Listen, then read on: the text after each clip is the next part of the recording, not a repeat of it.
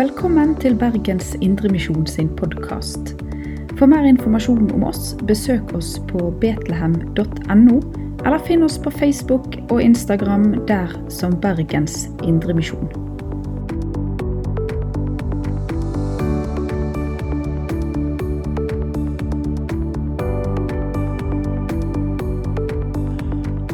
Kjære Jesu Kristi venner. Ta bare ned litt lyd. Nåde være med dere og fred fra Gud vår Far og Herren Jesus Kristus. Takk for tilliten, og takk for temaet. Paulus og vernet om menigheten. Det er altså dagens tema. Vi har altså hatt eh, fem bibeltimer om Paulus, og dette er altså det siste temaet. Og det er et stort tema, så uh, utfordringen er jo litt å begrense seg. Men jeg håper at jeg klarer i alle fall å gi et tilstrekkelig godt nok innblikk i det som dagens tema i hvert fall uh, gir overskrift på dagens bibeltime. Det er også Paulus som eh, har vært i fokus og skal være også utgangspunktet for dagens bibeltime.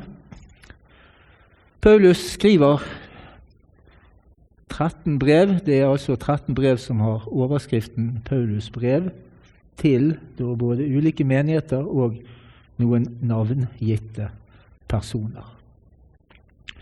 Paulus har jo en stor plass i vår bibel og er jo sammen med Lukas den største bidragsyteren hvis vi ser i antall sider i Det nye testamentet. Paulus har en historisk interesse for oss, men han har også en aktuell interesse. Paulus' skrifter har jo hatt betydning ikke bare den første tid, men også i kirkehistorien, og hatt særlig betydning, vet vi, i reformasjonstiden, der Paulus på mange måter gjennom det han har skrevet, måten Paulus legger ut Guds ord på bakgrunn av det som har skjedd i og med Jesus Kristus, så blir hans utleggelse av troen noe som fører til reformasjonen, og som også fører til dannelsen av de etter hvert lutherske menigheter og kirkesamfunn. Paulus er hedningenes apostel, og på den måten så er han også slik sett en som vi bør lytte til. For han er med å bringe evangeliet ut av si, den mer lukkede sammenheng der Jesus vandret i den jødiske sammenheng, men han bærer altså evangeliet videre ut til jøder og grekere, til hedninger. Ofte er det også Han begynner jo også, ofte ser vi, blant jøder, og så blir det etter hvert etablert menigheter. Og så har vi også noen spor av Paulus, både i, fra apostelgjerningene, men også i, ikke minst i brevene som han har etterlatt seg og blitt bevart. Paulus er altså apostel Paulus. Han er altså en av disse grunnleggende personer som har en særlig kall og en særlig utvelgelse knyttet til sin egen tjeneste gitt av Gud, gitt av Jesus Kristus. Vi har jo fått en innføring av i Paulus' biografi. Han ble jo født i Tarsus, i det som i dag er Tyrkia, nordøst i Middelhavet. Cirka år null. Der er det litt sånn usikkerhet knyttet til det. Noen mener han er født litt tidligere, og andre mener at han er født opptil ti år senere. Så skjer dette dramatiske med Paulus i ca. år 35 på veien til Damaskus. Han er altså en lovfrom fariseer, opplært ved Gamalies føtter. Han er også en av disse som er ivrig etter å forfølge de som har kommet til tro på Jesus som sin Messias, som skriftoppfyller. Og så skjer det altså dette underfulle der alt blir omsnudd av, gjennom et møte med Gud, gjennom et møte med den oppstandende Jesus Kristus. Og så kan vi følge hans liv gjennom apostelgjerningene og til dels gjennom brevene. Og vi skal dykke litt inn i begge deler i dag. Men vi vet at også det er noen andre betydningsfulle tidspunkt eller episoder. 35 ca. Damaskus-hendelsen. Tre år senere cirka, drar han opp til Jerusalem og møter Jakob og Peter og får på en måte godkjenningsstempel på den forkynnelse som han har blitt overbevist han skal bringe ut til folkene. Og så reiser han jo i store deler av sitt liv etter hvert, med utgangspunkt i Antiokia, i det som er det er flere Antiokia i Bibelen og på den tiden. Men det er altså Antiokia i Syria, i dagens Syria, som er basemenigheten, kan vi si, på disse tre reisene da, som vi i hvert fall har fått beskrevet i apostelgjerningene. Før han ender opp i Rom som martyr. Litt usikker om han fri, blir fri, satt fri etter fangenskapet. Det vet vi ikke helt. Historisk sett så ble han det. Fikk han reise litt til. Han ville jo helst bringe det til jordens ender. Kanskje han fikk en tur til Spania og fikk møte noen igjen som han ønsket å besøke, som Gud ville at han skulle besøke, før han altså ble en martyr som ble halshogd, sier tradisjonen. Cirka Det er ikke det helt lett å vite når, i begynnelsen av år 60 etter Kristus, etter vår tidsregning.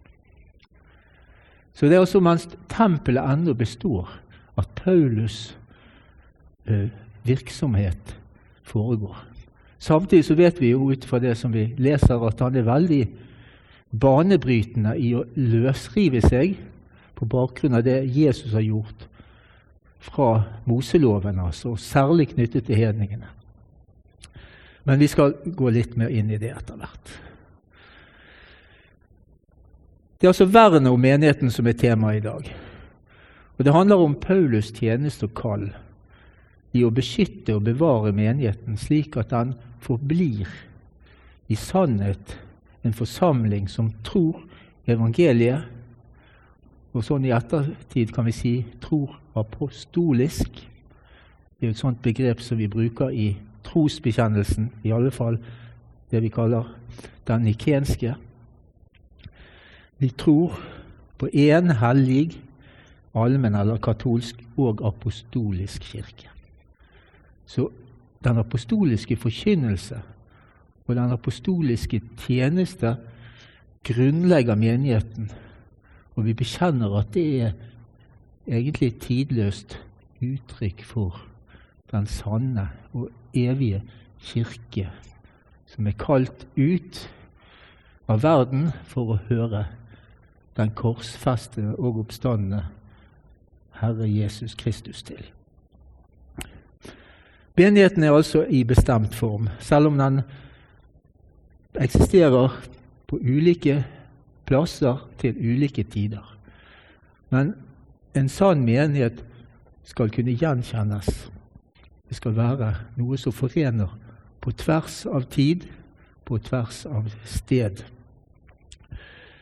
Selv om det selvfølgelig vil være noen forskjeller fordi folk er forskjellige, så er det noe tidløst som Paulus er med å bringe. Å opplyse og forkynne til mennesker som kommer til tro, og som da skal bli bevart i første omgang, det vi skal se på i dag, gjennom hans tjeneste.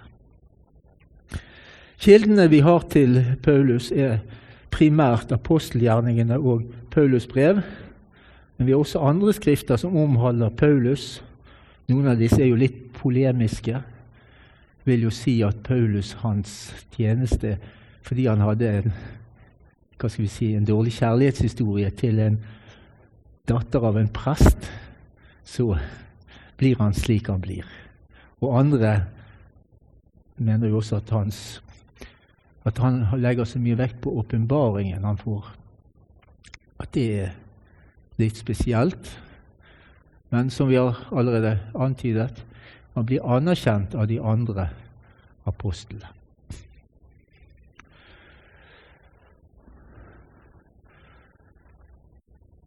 Så litt til saken.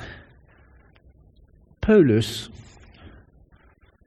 vern om menigheten, det primære middel i dette som karakteriserer Paulus' tjeneste, er Guds åpenbarte ord. Det som er på en særlig måte åpenbart og har sin tilknytning til Jesus. Kristus, vår Herre. Men hans tjeneste er jo knyttet også til hans personlige nærvær. Og Det ser vi en del steder. Han tilbringer en del tid. Ikke i alle de menighetene han skriver brev til, men til ganske mange. Hans forkynnelse er viktig. Han underviser med utgangspunkt primært i Det gamle testamentets skrifter. Iallfall er det slik vi gjenkjenner Paulus ut fra brevene. Men vi har jo også taler i apostelgjerningene. Og vi ser at der så er det knyttet primært til Jesu person, og det er knyttet til Han som oppfyller av det som er lovet i den gamle pakts tekster. Og Det er nettopp slik han overviser i første omgang, prøver i alle fall, ved å legge ut at Jesus er virkelig Messias. Slik begynner han ofte blant um, jøder i hedningelandet, der han kommer. Går gjerne inn i en synagoge, og så blir det ofte et brudd her, sånn at man må etablere en egen Messias-troende, Jesus-troende menighet. Vi kan si at midlene han bruker, det har vært antydet, også er bønn. Men jeg tenker om bønn, hva er det? Det er egentlig et uttrykk for at det er Gud som må gjøre sin gjerning. Altså en påkallelse av Gud.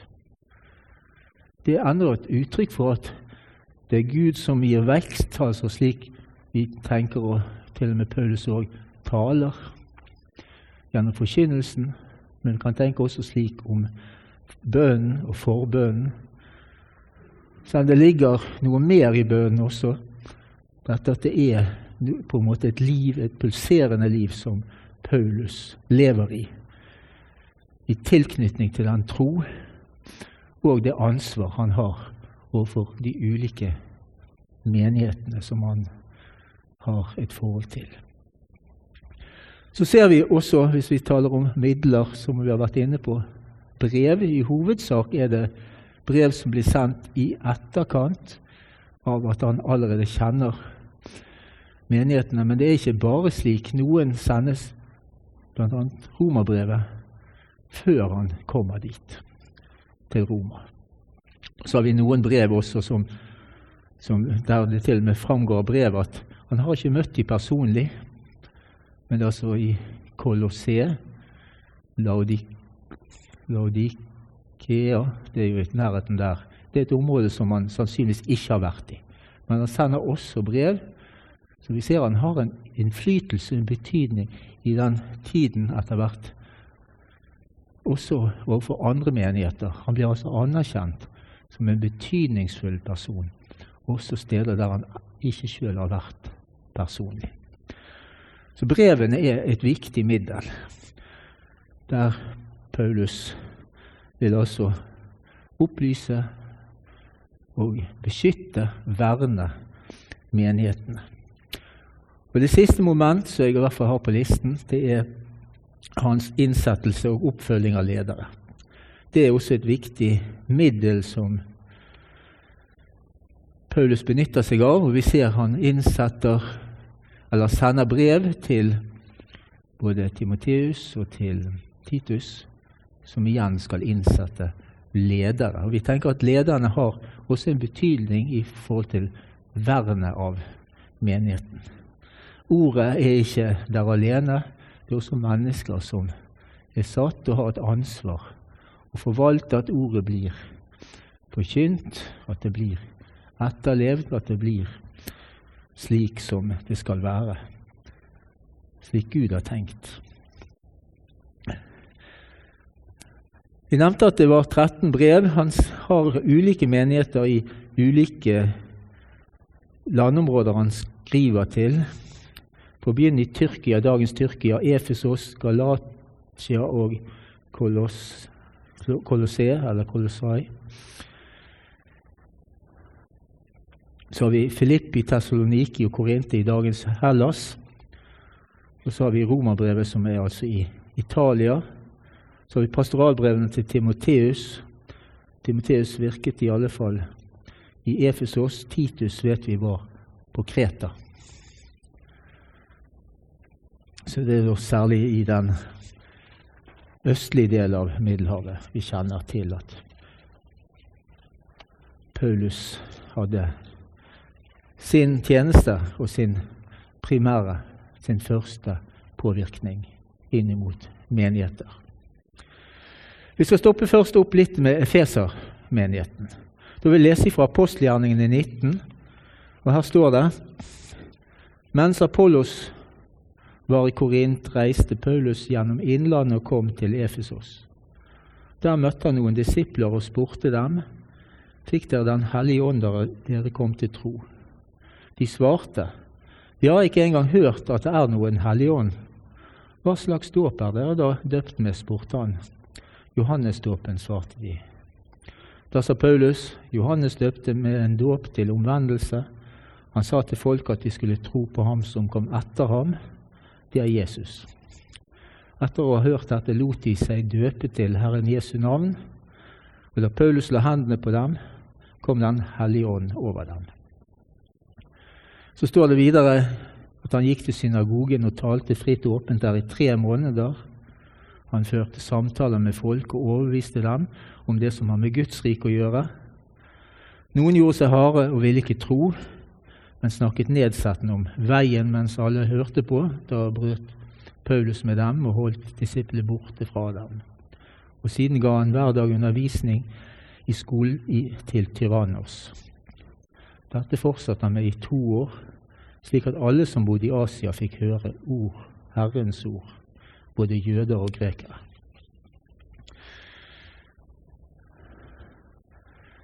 Noen har jo sagt at dette er misjonsstrategi, men det er altså en sentral havneby har en betydning i forhold til handelsveien østover.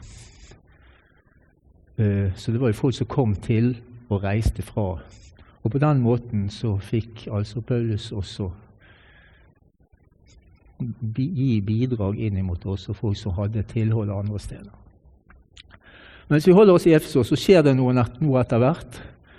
Det første vi ser, er at det beskrives noen tegn og under som Paulus gjør. Så kommer det etter hvert til et mer alvorlig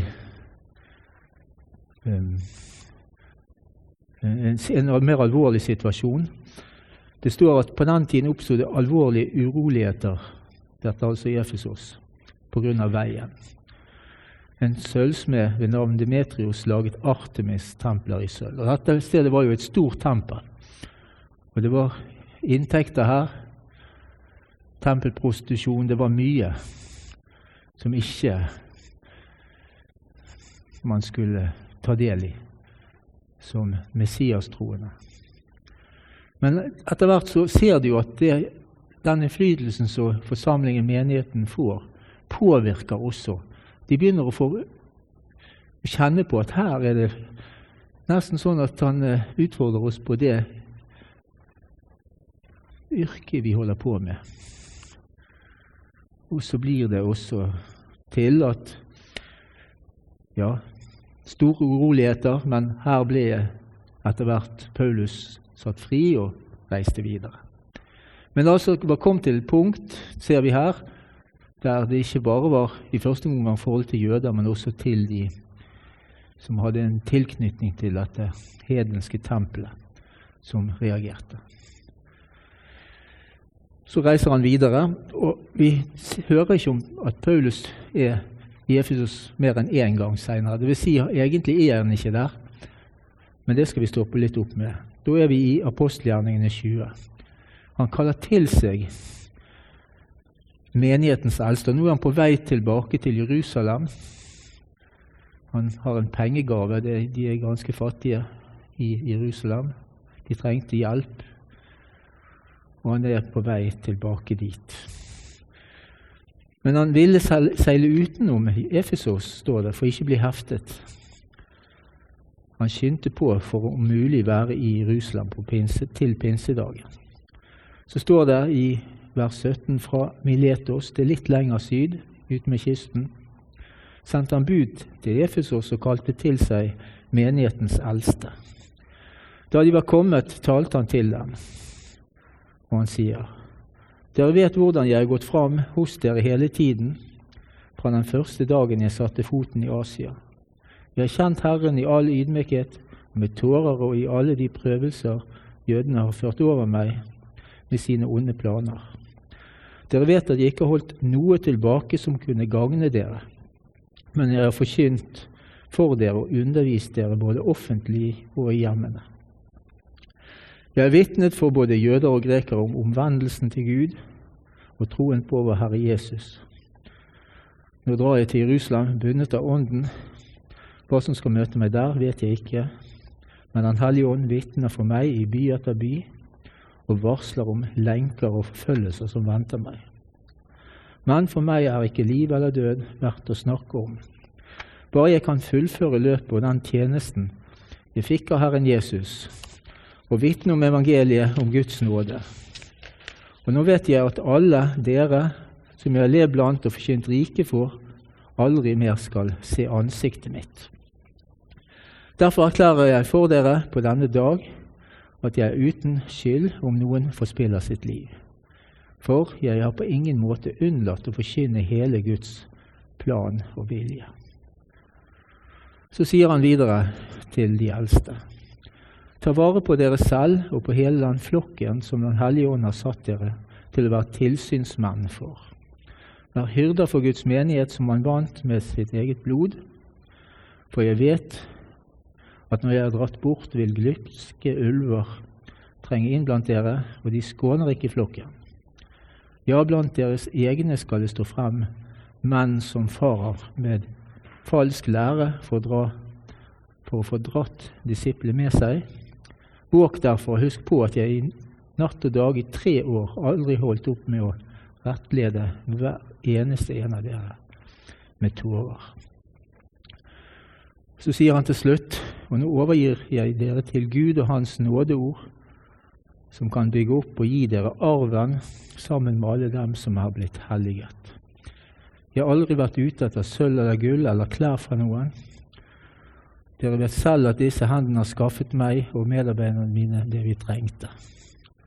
Alltid har jeg holdt fram for dere at vi må arbeide på denne måten og ta oss av de svake. Husk at ordene Herren Jesus selv sa, det er salige, saligere å gi enn å få. Og Så leser vi at etter han hadde sagt dette, falt de på, han på kne sammen med alle og ba.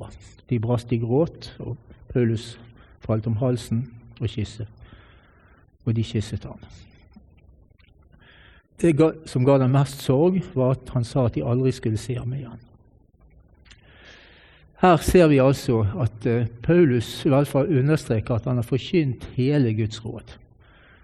Han har brukt seg sjøl, han har brukt tid, han har vært inntrengende. Sannsynligvis sikkert i kamp har han måttet framlegge iallfall noen sannheter som ikke var like lett å ta imot. Men i alle fall, de var takknemlige, og samtidig så ble de jo fylt av sorg. og Ikke bare glede når han sier at det er sannsynligvis siste gangen vi ser ham. Men vi ser han i alle fall i Skriften. Så skriver han et brev som er da etter overskriften 'Sendt til Efesos'. Det kan være det andre, Etter hvert så er det jo andre menigheter også som får lese dette brevet. Men det kommer seinere. Sannsynligvis så skriver han de fra fangenskapet i Roma. Det skal vi komme inn litt seinere, men eh, nå skal jeg stoppe litt der og stoppe litt mer opp med brevene. Men vi ser altså her er det en engasjert apostel som legger ut Guds ord med sentrum i Jesus, hans betydning. Og Det setter jo et skille mellom mennesker. De kalles ut fra synagogen, og de kalles også ut av den sammenheng, den hedenske sammenheng som de står i. Og Så blir det konflikter, men det blir også et livgivende budskap som disse får, og det blir plantet en menighet der i Efesos, som egentlig eksisterer etter hvert også i ortodoks form, da, helt fram til ca. 100 år, når de ble fordrevet mer eller mindre alle kristne fra Tyrkia. Så her er det lange tradisjoner helt fra den første tid, knyttet til ikke minst Paulus' tjeneste i Efesos. Så han har nok lagt, lagt et grunnlag som vi ser har på mange måter satt sitt preg, og dermed har det vært et kristent nærvær i mangfoldige århundrer, ja, nesten 2000 år, i Efesos. Men det vi ser på brevene etter hvert, her ser vi i utgangspunktet at Paulus prøver å forkynne bredde og høyde og dybde, altså hele Guds råd. Men i brevene så er det også slik at her får vi glimt av hvordan han følger opp, hvordan han betoner budskapet. Og Brevene har mye mer det vi kaller særpreg med seg, kanskje bortsett fra romerbrevet, selv om også det har et særpreg knyttet til den spesielle situasjonen som menigheten, eller det preg, særpreg som var knyttet til den menigheten som var i Roma. Jeg skal bare kort nevne litt eh, det som, som karakteriserer f.eks. første Tessadonika-brev. Dette er jo et tidlig brev. Her er det oppstandelsen og Jesu gjenkomst som fører til litt uroligheter. Her begynner folk å dø før Jesus kommer igjen. Og Så legger han fram ordet så sier han at de skal ikke komme etter de som lever når Jesus kommer. De skal altså først reises opp. Sammen skal vi få være hos Herren alltid, sier han. Også i andre Tessalonika-brev er det endetidsspørsmål som vektlegges. Der er det jo gjerne knyttet til det som vi kaller lovløshetens hemmelighet og den siste tid. Galaterbrevet vet vi er et litt annerledes brev, men her, for her får ikke vi del i Jesu, nei, Jesu Paulus' forbønn. Han har nok bedt for, bedt for de òg, men han skriver ikke hva han ber om når han skriver brevet til Galatia. Og Her er det problemer knyttet til judaister, knyttet at de legger på de tilleggsbyrder som Paulus ser på så ganske så alvorlige, knyttet til dette med å praktisere Moseloven. Korinterbrevene, her ser vi det er splittelser og synd som er utgangspunktet. Problemstillinger, problemer som han adresserer, og som han også eksemplifiserer og knytter inn mot nattverdfeiringen. Det eneste stedet vi ser han taler om nattverden, Og da er det et problem som er utgangspunktet for at han knytter sin undervisning om enhet mellom fattig og rik. Eh, dette at det er splittelser. Men Kristus er ikke delt, og menigheten skal være et enhetsmåltid. Romerbrevet er forholdet mellom jøder og hedninger som farger brevet, men det er rettferdigheten av tro som er det sentrale temaet. Det tror vi kan si. Og Dette er et begrep som møter oss mange steder, og det vil jeg stoppe litt mer opp ved. For Jeg tenker at det er så sentralt. Og vi vet at grunnleggende sannheter må på plass. Og når Paulus bruker så mye tid på dette, så er det nok fordi at det var noe han så var viktig å innprente.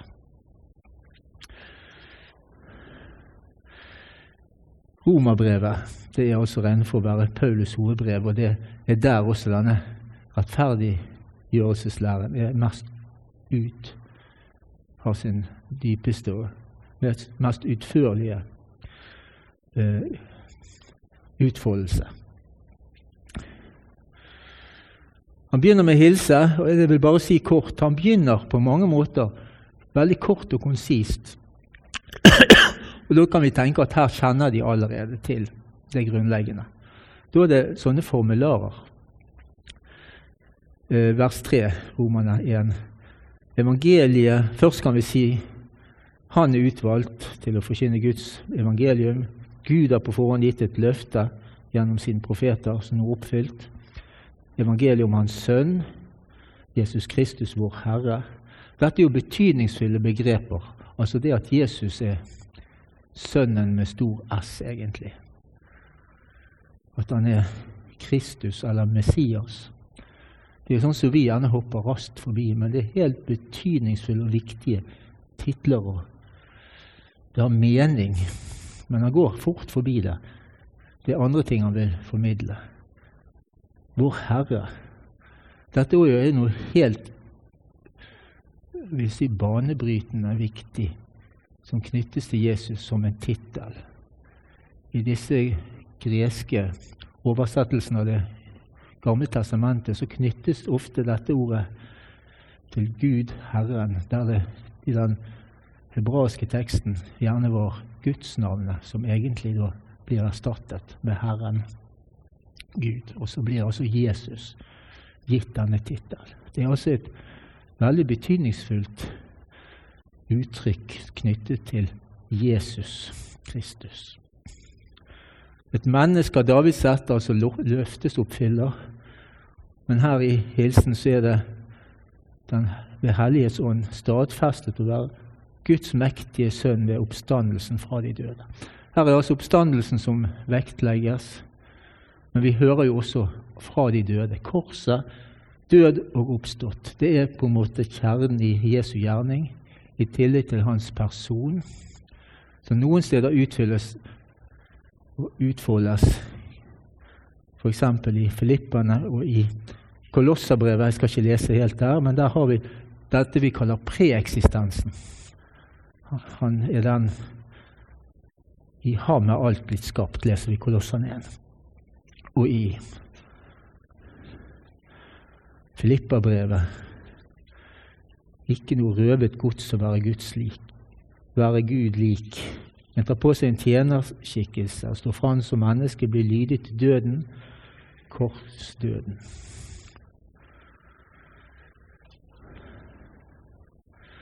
I Romane så er det også en menighet som han ikke har møtt.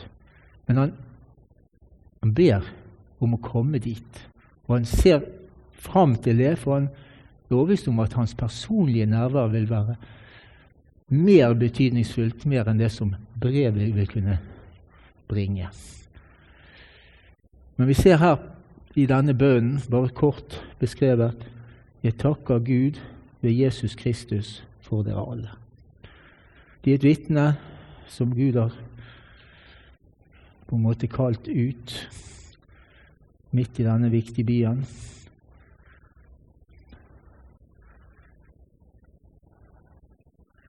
Men han ber altså for de, og han ser fram til, om Gud vil, at de skal møtes. Slik at han kan ved Guds ånd styrke ikke bare dem, men vi kan sammen styrkes i felles tro. Så vi ser her at han har på en måte en, en enhet allerede. Her er det ikke slik at han kommer liksom bare ovenifra og har noe å si, men det er altså noe de har felles, som han ser fram til. Å oppleve og være med å bringe noe fra Gud inn i.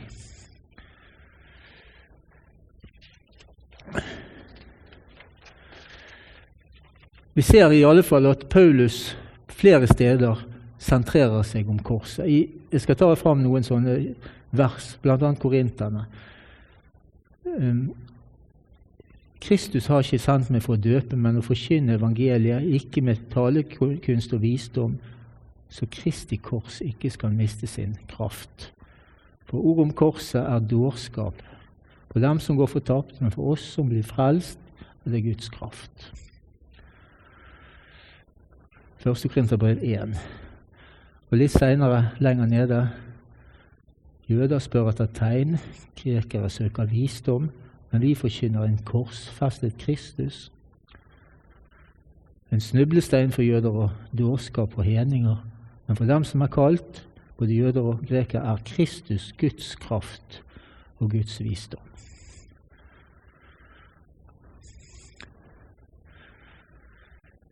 Og litt senere i samme kapittel det er Hans verk i Kristus Jesus, Han som er blitt vår visdom fra Gud, vår rettferdighet, helliggjørelse og forløsning. Kristus er, vi ser nærmest begynnelsen, livet og enden. Han er vår visdom, vår rettferdighet, vår helliggjørelse og forløsning. Kristus det kan vi på mange måter samle alltid, men det er jo mer han vil si. Og Han legger et bakteppe, men han begynner i romerbrevet med nettopp si tar utgangspunkt i en av disse begrepene som vi allerede kjenner han har som et sentralt begrep. Rettferdighet, Guds rettferdighet av tro. Med utgangspunkt i et sitat den rettferdige skal leve ved tro. Guds rettferdighet det er en status, det er en erklært rettferdighet. Mange tenker, og vi vet senere også Luther tenkte, at dette var en etisk rettferdighet. Og det er det nok òg, men det er noe helt unikt med slik Paulus etter hvert utfolder hva dette vil si. Dette å være rettferdiggjort av tro. Det første han sier som et bakteppe, er at både hedninger, altså fra Roman 1,18, og jøder på ulike måter har tilgang til Guds lov. Det er den naturlige lov som avslører hedningene. Selv om de prøver å følge Guds lov så langt de kjenner til, så er både hedninger og jøder slik at de møter seg sjøl, med et moderne uttrykk, kunne vi sagt, i døren. Men altså, det som Paulus eh, på en måte konkluderer med dette viktige kapitlet, disse to viktige kapitlene, det er at han sier det er slik at alle som har syndet uten loven, skal gå fortapt uten loven. Og alle som har syndet under loven, skal dømmes etter loven. Det er et fantastisk kapittel hvis vi stopper litt opp i dette, slik han beskriver Guds frede,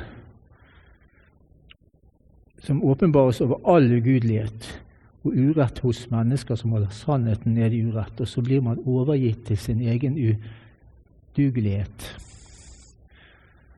Men så er det altså slik at han også på slutten sier at men vi er jo alle slik, enten du er hedning eller jøde.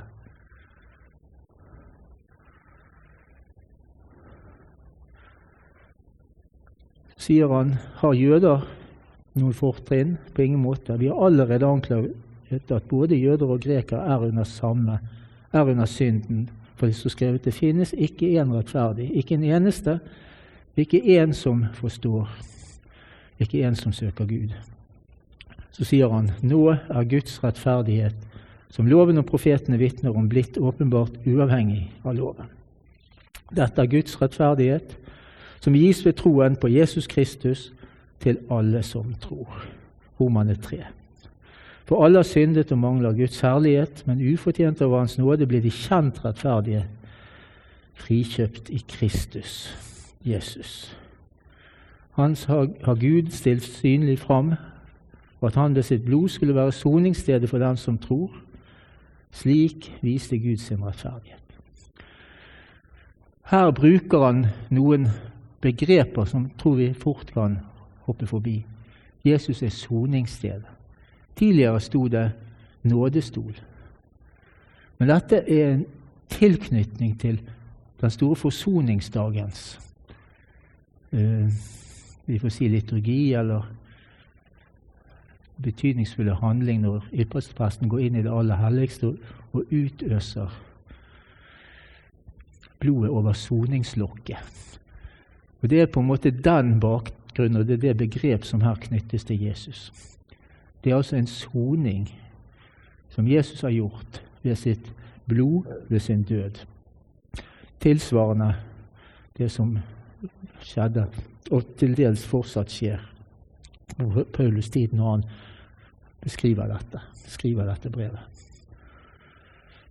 Men ufortjent av oss nåde. Og her ser vi veldig tydelig loven, den avslører. Men så er det altså noe nytt. Nåde, ufortjent godhet, som mennesker får del i ved troen på Jesus. Og denne tro er altså en tro der Gud rettferdiggjør den ugudelige. Eller som står her, han kjenner den rettferdig som tror på Jesus. Han, altså Gud, rettferdiggjør både den omskårne og den uomskårne ved samme tro, sier Paulus i vers 30. Opphever vi da loven? Slett ikke, sier han. Denne troen det er det han bruker mye tid på. Det tenker jeg er noe som er helt sentralt for Paulus og for oss. For han taler nå ikke bare om loven, men han går lenger tilbake. Han taler om patriarken Abraham. Og han blir jo kalt som hedning ut av sin si, vante sammenheng. Han blir en vandringsmann som får løfte om å være og bli noe han ikke er. Abraham blir et eksempel på denne tro som også de troende seinere skal kjennetegnes ved. Og Her sier Paulus hva skal vi si da om Abraham, vår jordiske stamfar? Han, hva oppnådde han? Dersom han ble rettferdig ved sine gjerninger, da hadde han noe å være stolt av. Men overfor Gud hadde han ikke det. For hva sier Skriften? Abraham trodde Gud, og derfor regnet Gud ham som rettferdig. Den som har gjerninger vist til, får lønn etter fortjeneste, ikke av nåde. Men den som ikke har det, men tror på Han som rettferdiggjør den ugudelige, blir regnet som rettferdig fordi han tror. Abrahams tro er altså en tilregnet rettferdighet. Det er slik han argumenterer. Og vi ser enda mer. Nå trekker Paulus fram David. Og David blir også regnet som rettferdig. Og Da er det altså slik at Davids rettferdighet er det at han erkjenner sin synd. Og så står det, da er det sitat Salige er de som har fått sine lovbrudd tilgitt og sine synder skjult. Salige er det mennesket som Herren ikke tilregner synd. Her brukes både tilregnet rettferdighet og tilgitt synd i en sammenheng som egentlig iallfall en del vil si er det som kjennetegner også Abraham.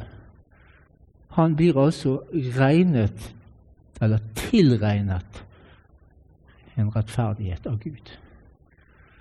Akkurat som David, som ikke har den ytre rettferdigheten, men han ser sin synd, og så blir han tilgitt. Og dermed blir han også rettferdiggjort. Uten gjerninger, leste vi. Og Denne erklæring det har sin karakteristikk ved at det er et løfte. Altså Loven den har sin særlige Vi har i vår tradisjon den bruk som er for å avsløre synd. Men det er også slik Paulus taler her. Både jøder og hedninger når ikke opp til den lov som de er ansvarlig for Gud å holde. Men så er det altså en Abraham, troens far, som blir altså tilregnet rettferdighet. En David som blir tilregnet en rettferdighet fordi Gud ikke tilregner hans synd. Løftet Abraham fikk et løfte, står det, fordi han trodde. Så alt skulle være nåde. Og Det er det som er Abrahams tro.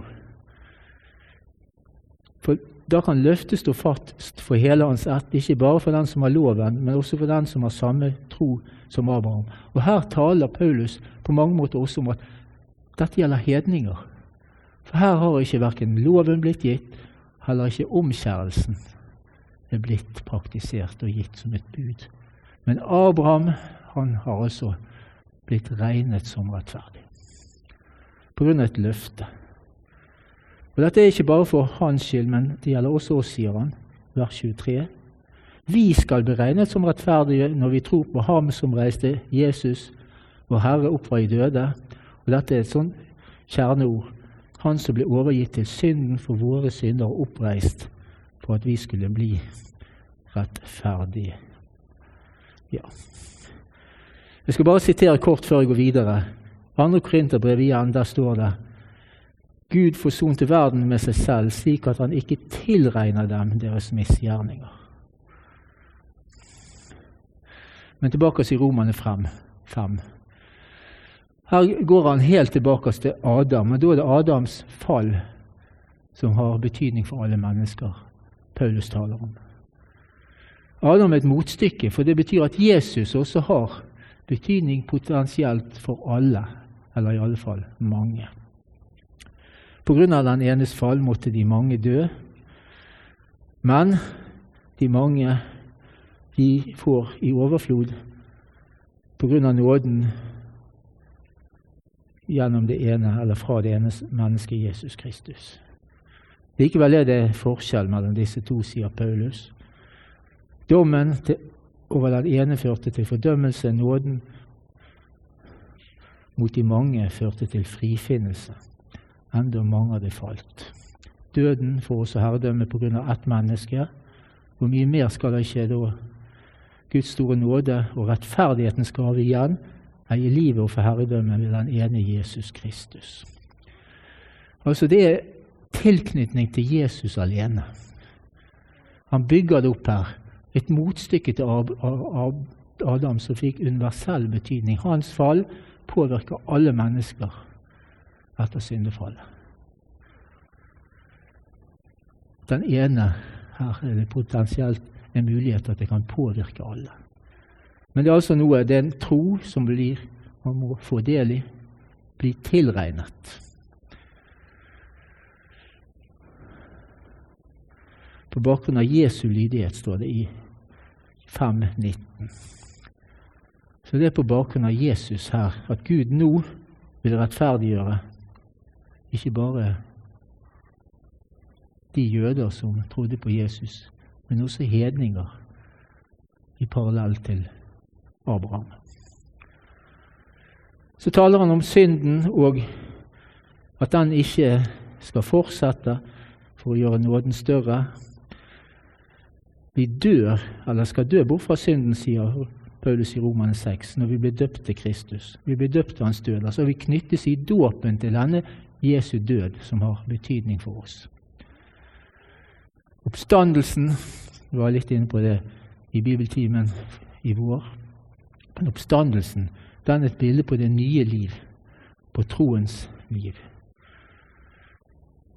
Og som Kristus ble reist opp fra de døde, skal også vi vandre et nytt liv.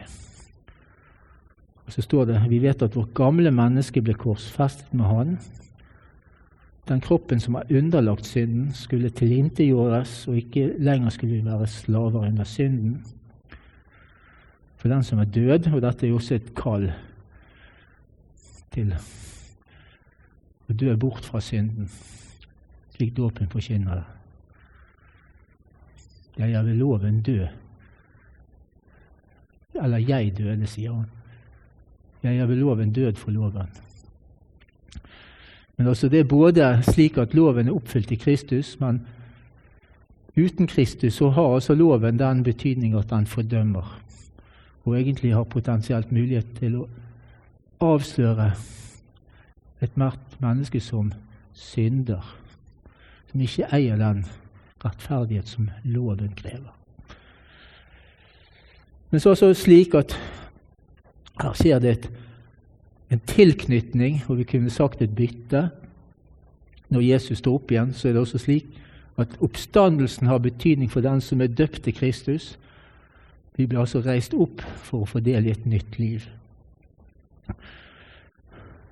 Er vi døde med Kristus, tror vi at vi også skal leve med ham.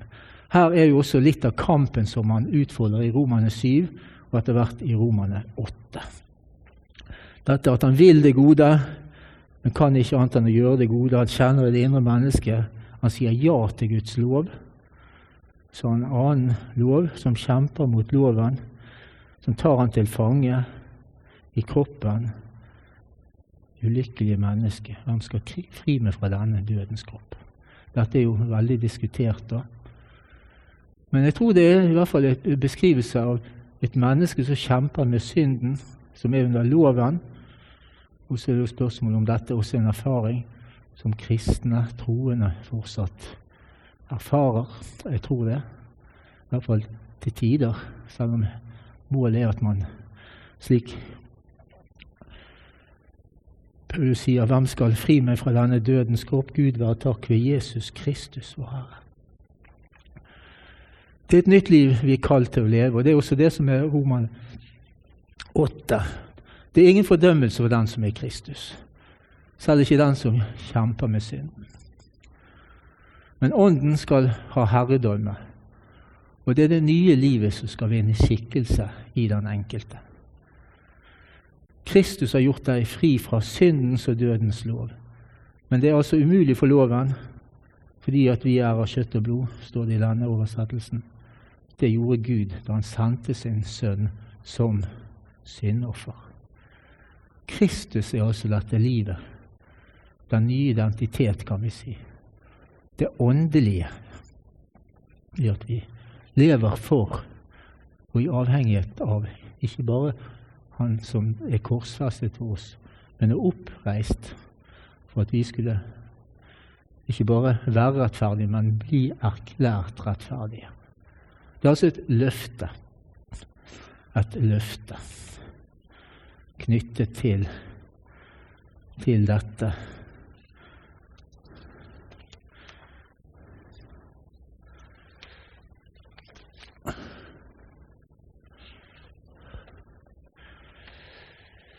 I Romerne så ser vi at Paulus bruker på mange måter dette løftet knyttet til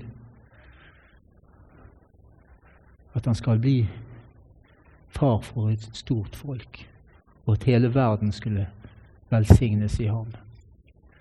Den, altså Abrahams ett, som dypest sett er han som skulle komme. Men de var jo barnløse i høy alder. Og dette er altså slik at i Galaterbrevet så blir dette en viktig sannhet som blir utfoldet ut ifra ikke bare Abrahams tro og løfte, som er noe unikt, noe som man ikke har, men altså får løfte om å bli. Og så er det det som er denne kjennetegnet, dette kjennetegnet ved den rettferdiggjorte troende. At man får høre forkynt et løfte som gjelder i første omgang her Abraham, men etter hvert alle mennesker. Han blir et forbilde.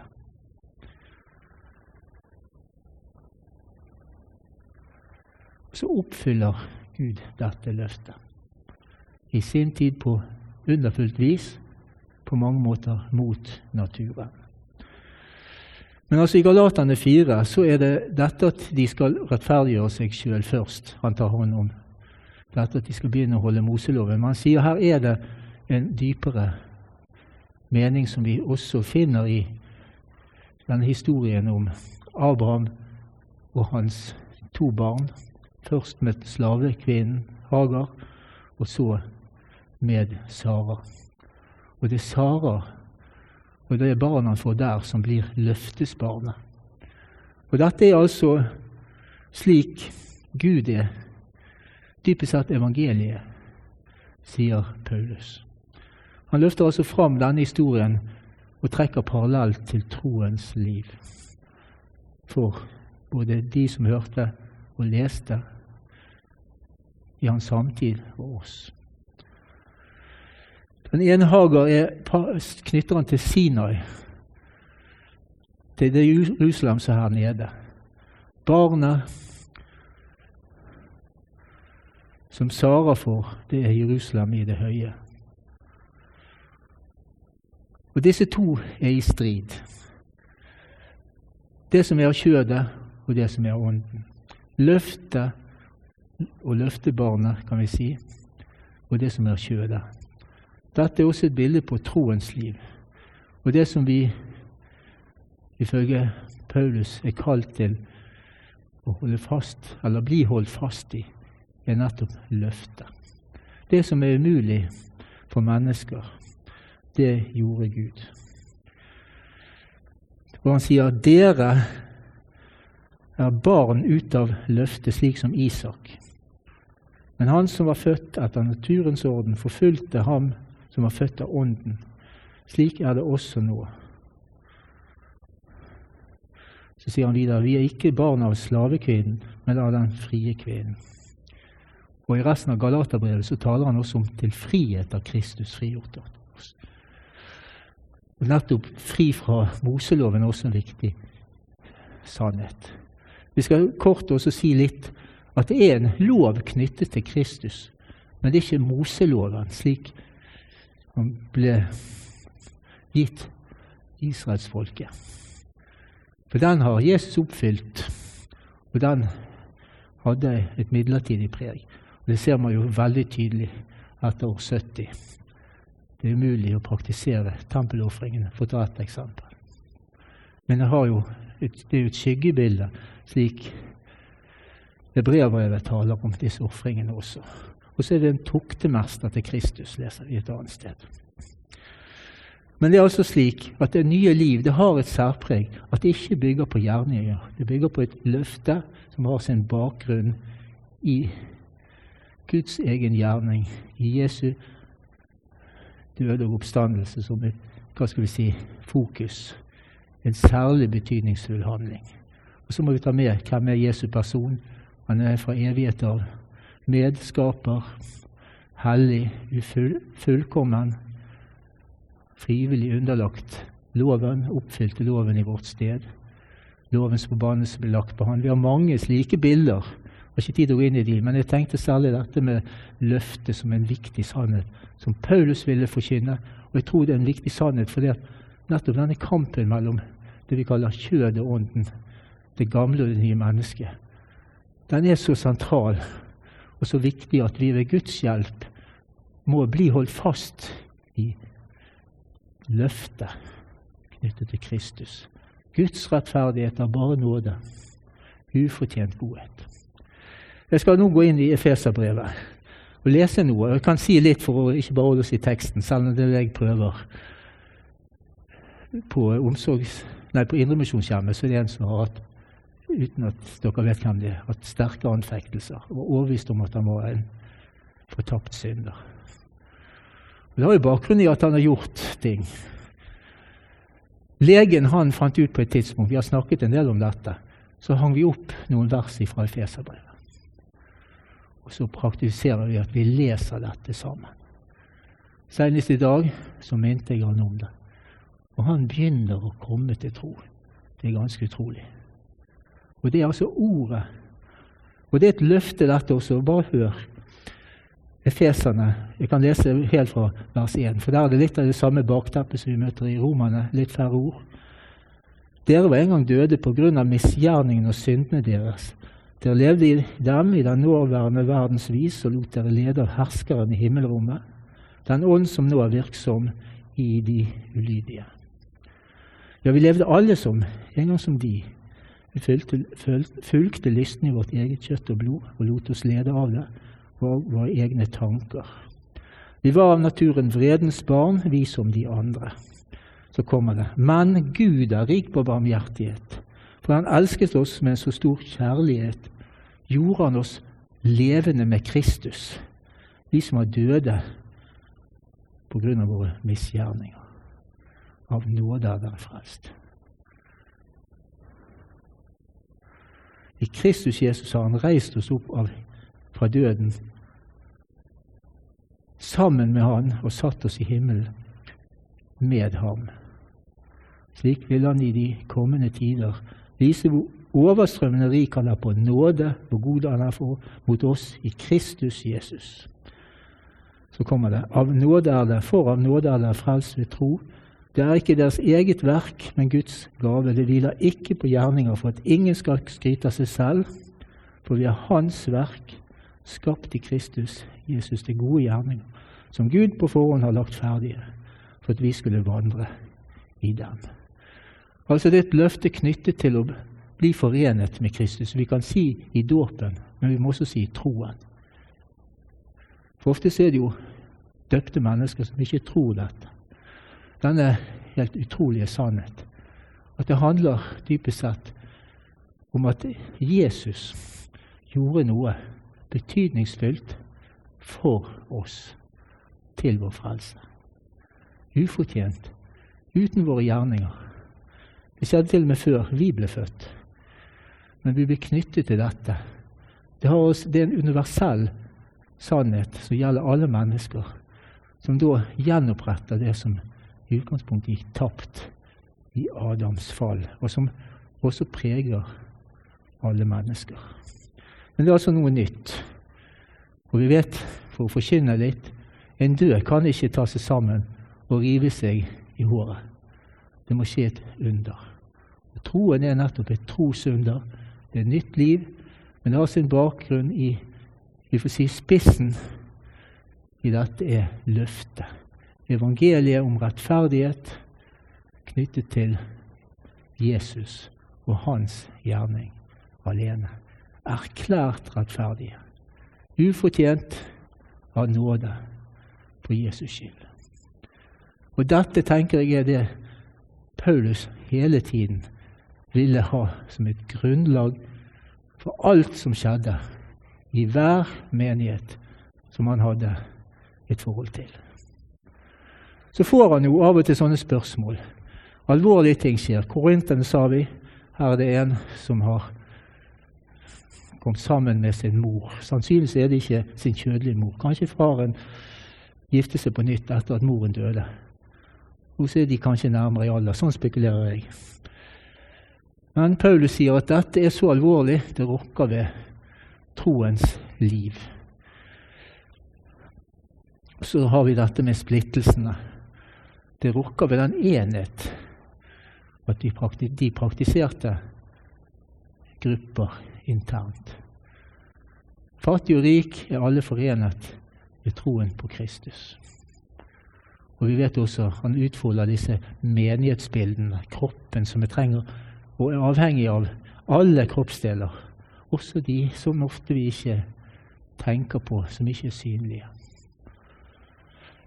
Enheten i Kristus. Men det er altså noen ganger slik at man kan gjøre alvorlige ting, stelle seg slik, ikke minst hvis man forlater ordet. Og vi vet eneste stedet som virkelig Paulus refser, så er det galaterne som vil gjøre hjelpe til, kan vi si, ved å praktisere noen av Moselovens bud. Kjærlighet skal kjennetegn. Nå tror jeg jeg skal gå ut av manuskriptet mitt og så skal jeg prøve å oppsummere litt. Det er slik at det er utrolig mye vi kunne sagt. Han innsetter jo også eldste i menigheten.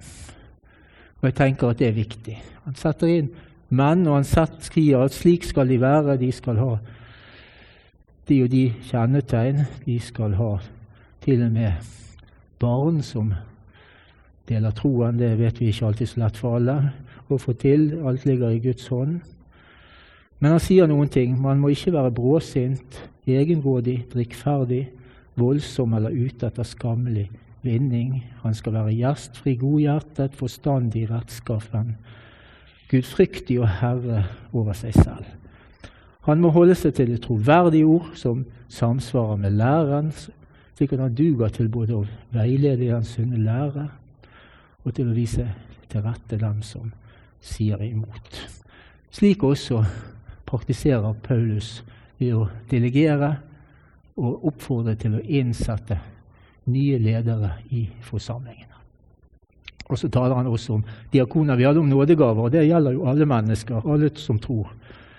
Har en funksjon, har en betydning inn i fellesskapet. Vi vet jo også at de hadde også andre tjenester, diakoner. Og jeg tror jeg vil si det at diakoner er mer enn diakoner. Det er egentlig et ord for tjenere. Mann og kvinner som har vist seg tillit, og som har oppgaver, som, eller evne til å gå inn i oppgaver som man trenger på en særlig måte, og trengte da i disse forsamlingene. De også skulle ha et godt vitnesbyrd, ikke minst fra de på utsiden, står det i et av disse pastoralbrevene. Så vil jeg oppsummere litt. Jeg vil prøve å si litt. Hva er det som fortsatt gjelder for Paulus når han formaner. Hva er det som er den evige Guds vilje og bud? Vi vet jo at de, Han formante jo Peter til å ikke hykle. Han skulle også spise svinekjøtt. Og vi vet at uh, Apostelgjerningen sier at han til og med får en visjon om dette. Men altså denne frigjørelsen fra loven den var nok ikke lett for jødene og Noen av de var jo godt innplantet i den på mange måter. Men det jeg tror, hvis vi skal prøve å forstå Paulus Jeg har prøvd å reflektere litt over dette. Han sier jo at syndefallet er jo fortsatt noe. Og han sier jo en del at dette påvirker også livet. Sant? Vi er under, det er, sant? Vi er under forgjengelighet. Det er mye som er ufullkomment. Vi ser jo i Paulus liv motstandermøter, lidelsen, korset, alt som på en måte møter han av vanskeligheter.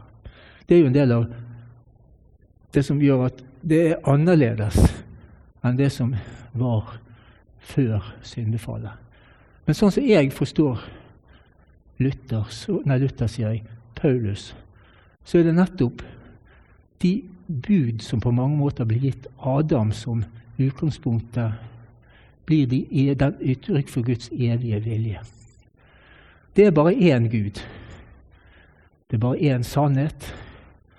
Det er mulig å velge bort og ikke lytte til Guds ord, slik Adam og Eva gjorde. Gud skapte mennesket som mann og kvinne. Han forente de to første menneskene. Det ekteskapelige samliv vet vi også Jesus knytter helt tilbake til skaperviljen, de to første. Og det er det, slik jeg oppfatter også Paulus sier, at ekteskapet, denne kjønnsidentiteten, mann og kvinne Ekteskapet er mellom en mann og en kvinne. Dette gjelder så lenge begge lever. Når den ene dør, så er man fri. Da kan man gifte seg med en ny. Eller leve enslig. Så det er klart at han inkluderer jo mer enn de to første menneskene, og mer enn det ekteskapelige samliv. Men det er altså den, vi får si, denne vilje som møter oss allerede i paradis, som det ser ut som Paulus har som et slags bakteppe for alle sine formaninger. Som er et uttrykk for Guds evige vilje. Og så kan vi tenke at de lever i en perfekt kjærlighetsrelasjon. Og dette er jo på en måte det som man formanes til med mange ord. Kjærlighetens høysang, tålmodighet, Altså alle disse flotte ordene som mange tar til seg og tenker ja, dette er jo nærmest paradis på jord, hvis det er slik. Men det er også det man formanes til i troen, å strekke seg etter. Men utgangspunktet er altså ikke det man gjør, men det er altså det Gud har gjort. Troens løfte. Man føres altså tilbake til Gud, om ikke til livets tre, så i hvert fall til Han som hang på et tre, på et kors. Og så utgår det en velsignelse av den korsfeste oppstanden. Så det er den førparadisiske tilstand som man nærmest blir ført inn i, i hvert fall får en smakebit av, selv om det har jo et skygge fortsatt, dette syndefallet med forgjengelighet, død. Og fortsatt så preges alle mennesker av syndefallets hva skal vi si ufullkommenhet i sine gjerninger. Men det er altså slik at man på tross av sin ufullkommenhet, på, på tross av et opprør, men på grunn av at Gud har gjort en gjerning og åpnet en vei tilbake til seg sjøl ved Kristus, så føres man altså tilbake til en i hvert fall til en tillitsfull relasjon til Gud igjen. Og Det er her man blir formant til å bli holdt fast. La ikke dette andre, kunnskapens tre, det som åpner for andre muligheter, men som ikke er Guds vilje, la ikke det prege våre liv. Jeg kunne sagt mye om dette. Jeg syns altså de første eh, kapitlene i i eh, Første Mosebok har så mye å si. Og Jeg oppfatter i hvert fall det slik Paulus tenker. Om jeg er så frimodig at jeg prøver å liksom forestille meg det. Men det er altså disse tingene. Det er den ene Gud, den ene sannhet, men nå altså knyttet til forsoneren og gjenoppretteren som hang på et korstre. Og så er det også en frukt som utgår fra dette livets tre. Det er et budskap som utgår fra dette livets tre. Og det er en kilde som veller fram, som også vi får del i ved dåpen, ved troen, og som også forener oss og knytter oss til den korsfeste oppstanden i nattværen. Og så er det en status som rettferdig, ufortjent, fordi Gud gjorde noe som gjenopprettet det som gikk tapt i syndefallet. Dette er på mange måter slik jeg oppfatter Paulus taler i korte trekk. Men da med nyanser inn mot de liv man lever, med de utfordringer og de avvik som man er i ferd med å påføre seg, men som man må formanes tilbake til. Og Jeg kunne sagt mer, men, mer, men jeg tror jeg vil si at det er en forskjell mellom mann og kvinne helt fra skaperverkets begynnelse, som jeg tenker at vi fortsatt blir formant til å speile. Det er en forskjellighet mellom mann og kvinne som er gudgitt, som vi kanskje ved Paulus' hjelp trenger å få åpnet våre øyne for igjen. Slik at vi blir bevart i denne tro den ene sanne Gud som rettferdiggjør de ugudelige for sitt eget navns skyld. Og det er et underfullt verk. I parallell til dette løftet som ble gitt til Abraham, så har vi fått et nytt liv. Og vi skal leve dette livet i denne kampen mellom det gamle og nye mennesket. Men det er altså et nytt liv som Gud evner å bevare i den som fester sin lit til Jesus Kristus vår rettferdighet, herliggjørelse og forløsning. Helt til slutt et sitat fra 2. Korinterbrev 13.13. 13, Vår Herre Jesu Kristi nåde, Guds kjærlighet og Den hellige ånds samfunn være med dere alle. Amen.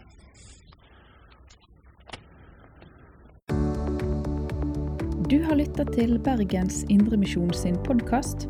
For mer informasjon om oss, besøk oss på betlehem.no, eller finn oss på Facebook og Instagram der som Bergens Indremisjon.